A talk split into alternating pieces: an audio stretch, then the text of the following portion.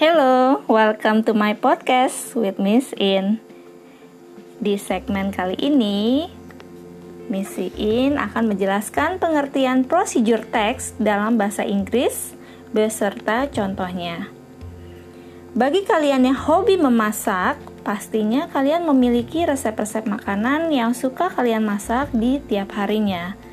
Pada resep masakan yang kalian miliki, tentunya ada langkah-langkah atau prosedur pembuatan masakan yang akan kalian buat nantinya. Prosedur yang ada pada resep hendaknya kalian lakukan dengan benar agar makanan yang kalian masak menghasilkan rasa yang enak. Nah, tahapan-tahapan atau prosedur pada resep tersebut dinamakan teks prosedur. Dalam bahasa Inggris, teks prosedur dikenal dengan procedure text. Sudah adakah yang pernah membaca prosedur teks sebelumnya? Nah, sebelum kalian membaca contoh teksnya, ada baiknya kalian memahami pengertian fungsi sosial, tujuan, struktur teks, serta gaya bahasa yang digunakan pada prosedur teks berikut. Yang pertama ada definisi dan fungsi sosial atau tujuan. Yang kedua, struktur teks atau generic structure.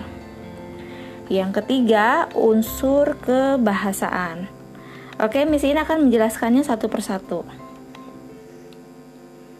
Yang pertama yaitu definisi dan fungsi sosial atau tujuan.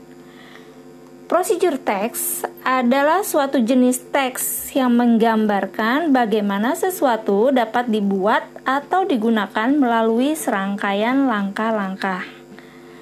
Prosedur teks sendiri bertujuan untuk memberi petunjuk tentang langkah-langkah atau metode atau cara-cara dalam membuat, mengoperasikan, atau melakukan sesuatu. Yang kedua yaitu struktur teks atau generic structure. Prosedur teks pada umumnya memiliki struktur teks sebagai berikut. Goals atau aim berisi tujuan, kegiatan, atau hal yang akan dilakukan atau dibuat nantinya.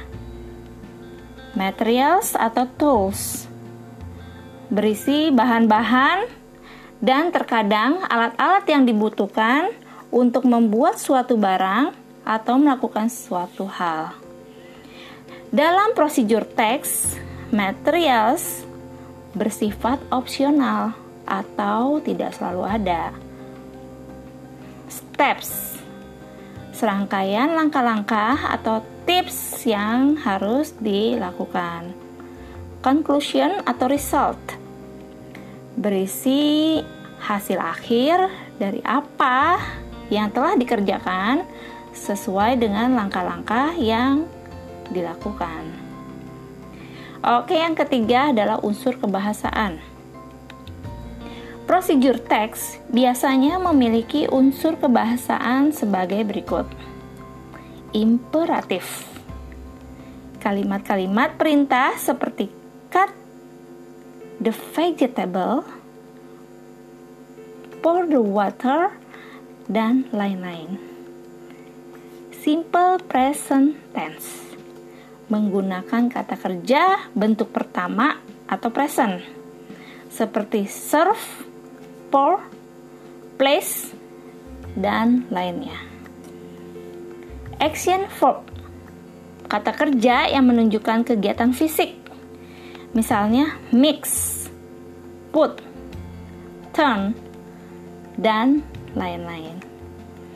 Connective of sequence kata penghubung yang menghubungkan langkah yang satu dengan yang lainnya seperti then, while, next, after that, dan lain sebagainya. Numbering angka-angka yang menunjukkan urutan kegiatan, misalnya first, second, third, dan lainnya. Itu dia guys, penjelasan mengenai definisi fungsi sosial atau tujuan struktur teks dan juga unsur kebahasaan yang digunakan pada procedure text. Oke, semoga kalian dapat memahami podcastnya Missy In. Selamat belajar.